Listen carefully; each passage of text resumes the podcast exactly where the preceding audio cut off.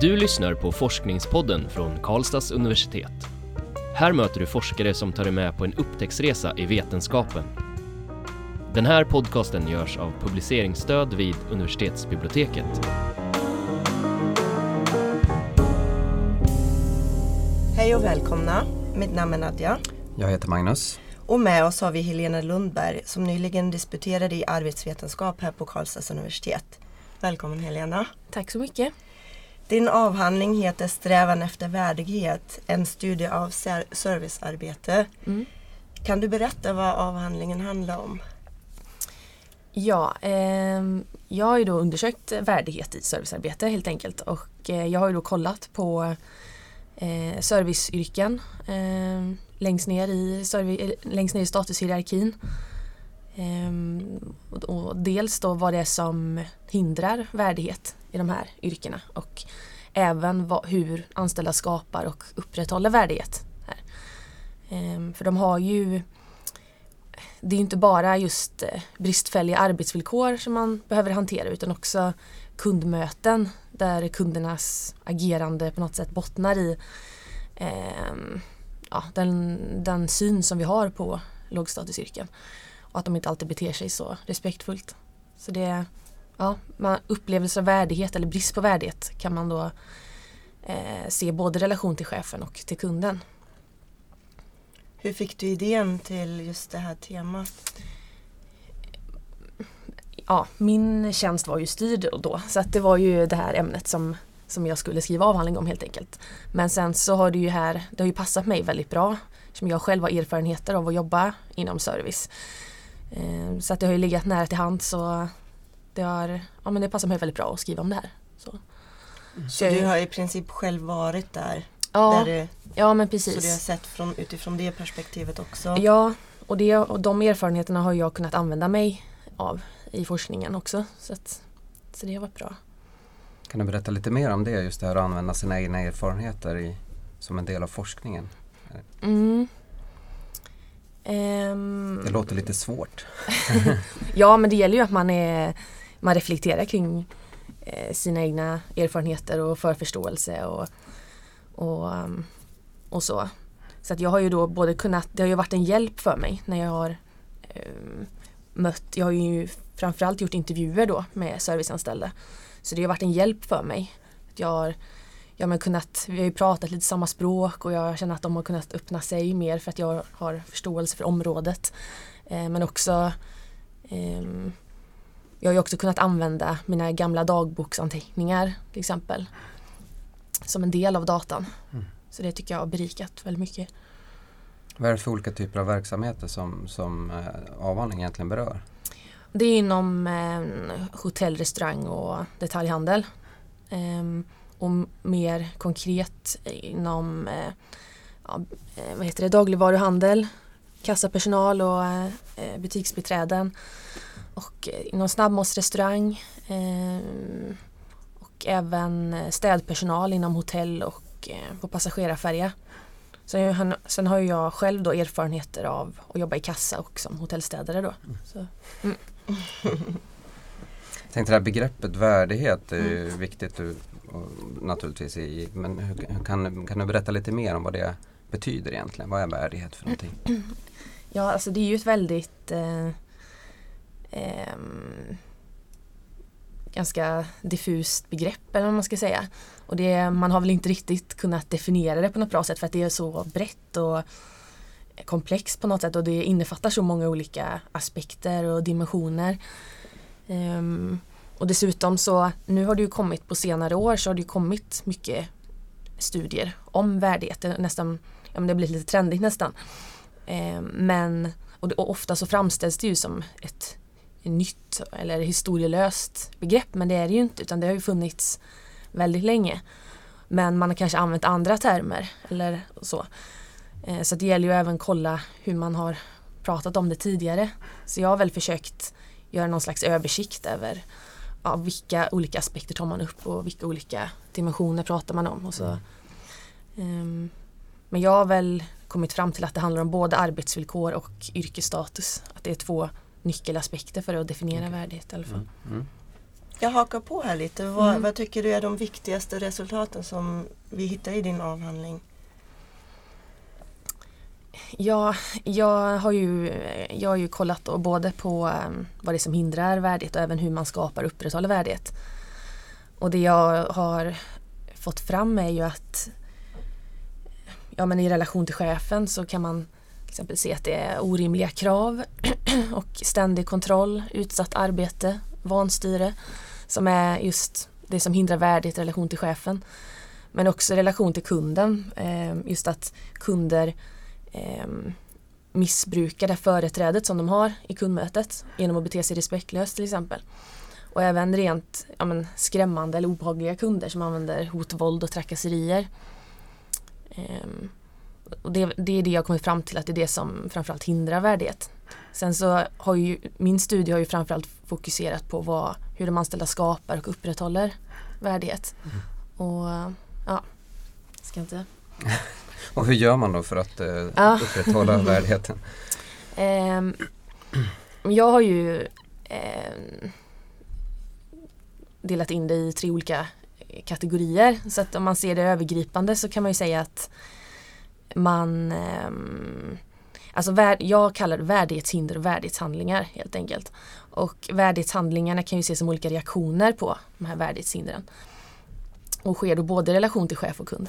Men om man ser det väldigt övers- övergripande så eh, så eh, skapar man värdighet genom att man eh, skyddar sig från värdighetshinder. Eller att man omdefinierar värdighetshinder. Eller att man strider mot värdighetshinder. Och det här kan då ta sig olika uttryck. Kan du berätta lite mer om de Ja. uttrycken?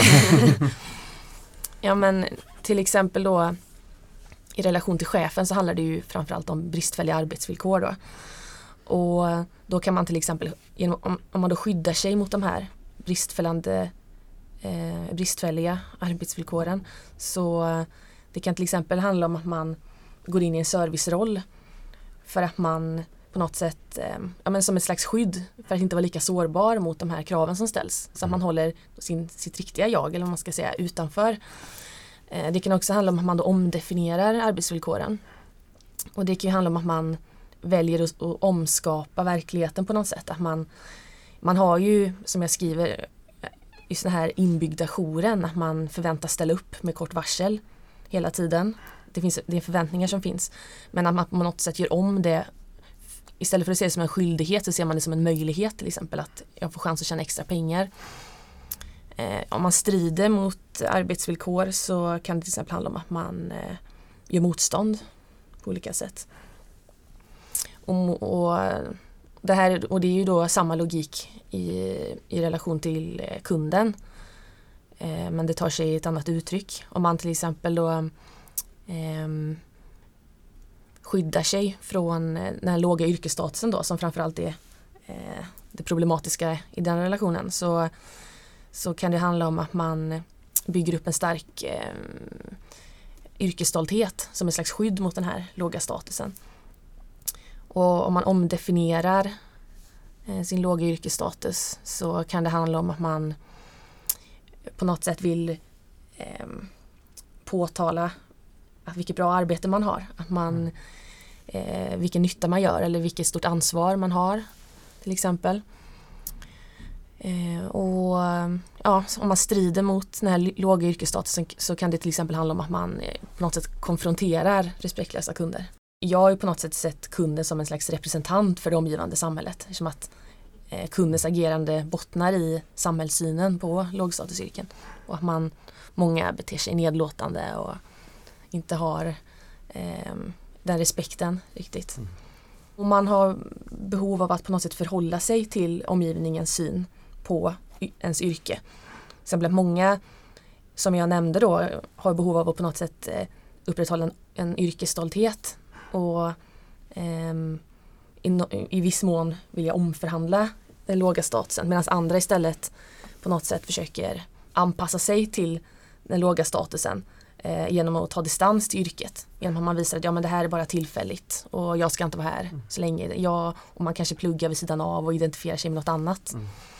Så att man förhåller sig, man har behov av att förhålla sig till eh, yrkesstatusen. Finns det några faktorer som ursäkta, tro, du tror att eh, de skulle kunna påverka de här lågstatusyrken och göra dem, lyfta dem lite mer än det görs idag? Du menar de själva eller? Ja, Eh, eller även utifrån okej. tänker jag.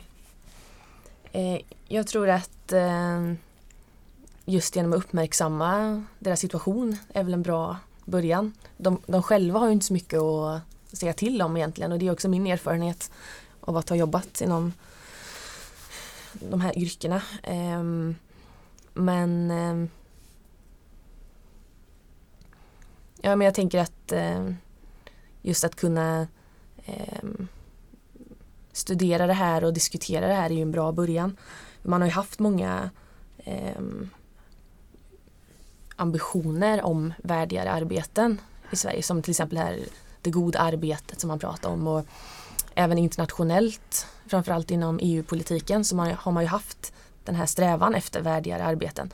Men det har alltid haft en tendens att nedprioriteras speciellt då i, när det har varit lågkonjunkturer och så. Och, så det har inte riktigt fått den, eh, det genomslaget som man hade kunnat hoppas på. Så att därför är det ju viktigt att, att prata om det här. För det är lätt att tro att ja, men i, i vårt moderna samhälle så, så är det så bra. Men det, det är ju inte alltid det. Eh, Så ja, Vem eh, vill du ehm, som ska läsa din avhandling?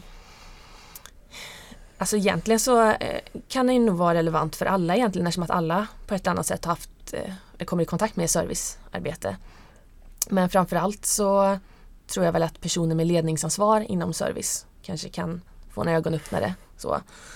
Och det handlar ju inte om att alla eh, att inte chefer inom service bryr sig om sina anställda så överlag utan det kan ju lika mycket handla om okunskap eller att man behöver ett annat perspektiv. Sådär.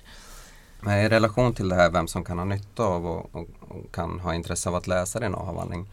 Så är en fråga man kan ha är kanske hur, hur det ser ut idag när det gäller chefernas och arbetstagarnas eh, relation och vilka möjligheter de har att diskutera de här frågorna. Kan du säga någonting om det? Ja, alltså det är ju väldigt eh, lågt i tak och det finns ju inte direkt någon dialog så, vad, som jag har kunnat se mellan, alltså, mellan chef och anställd. Självklart finns det undantag men det, man har inte mycket inflytande som anställd. Och, ehm, och här har ju egentligen facket en viktig roll, just att stärka arbetstagarens röst. Ehm, men min erfarenhet av facket är ju att eh, det, det är ganska låg anslutningsgrad och alla vill inte gå med. Och, um, så att jag tror att man skulle behöva stärka det lokala facket. Här. Mm. Om vi nu går från din forskning till dig själv. Vad skulle du säga är livet som forskare? Hur har det påverkat dig och hur har du utvecklats som människa? Jag, jag tycker att man utvecklas jättemycket. För det är ju under flera år som man skriver den här avhandlingen. Och, ehm, och ja, det, så det har ju man har ju växt som person också självklart för man det har ju varit många utmaningar längs vägen och, och så. så att, Har du fått nya perspektiv på, på det här, de här yrkeserfarenheterna du har haft genom att forska om det också? Ja men absolut, man har ju fått en bredare bild såklart. Man är inte lika, man är inte inne i det utan man har fått mer distans till det. Eh, och det har ju varit nödvändigt också. I och med att jag använder, mina, använder mig av mina egna erfarenheter. Att få distans till det och kunna se det utifrån. Ehm, så, men det har varit väldigt intressant. Så, mm. Vilka planer har du för framtiden? Ehm, det ser väldigt oklart ut just nu. Så att ehm, vi får se. Jag har inget bra svar där egentligen. Så just nu håller jag på med undervisning och så mest. Och så, Skulle du vilja, vilja fortsätta forska inom det här området eller har du andra forskningsidéer och så som du vill gå vidare med? ehm, just nu är jag väl ganska öppen egentligen men eh, det, det här är ju ett ämne som man absolut kan spinna vidare på och se om det finns om jag kan se de här värdighetshandlingarna inom andra kontexter också och andra eh, yrken inom service till exempel. Och, ehm, så att det är ju, kan man ju absolut fördjupa och, och så. Ja, våran tid börjar ta slut. Är det någonting eh, Helena som du vill tillägga som du känner att du inte riktigt, våra frågor inte har täckt? Nej, jag tycker ni har fångat in det mesta tror jag. Faktiskt. Eh, då får vi tacka dig så jättemycket för att du kom hit och gästade Forskningspodden. Mm, och lycka tack till själva. med ditt fortsatta arbete också. Tack. Och tack också till er som har lyssnat. Eh, ni är välkomna till nästa avsnitt av Forskningspodden. Då träffar vi folkhälsovetaren Louise Persson. Du har lyssnat på Forskningspodden från Karlstads universitet. Den här podcasten görs av publiceringsstöd vid universitetsbiblioteket. Alla avsnitt hittar du på kau.se forskningspodden.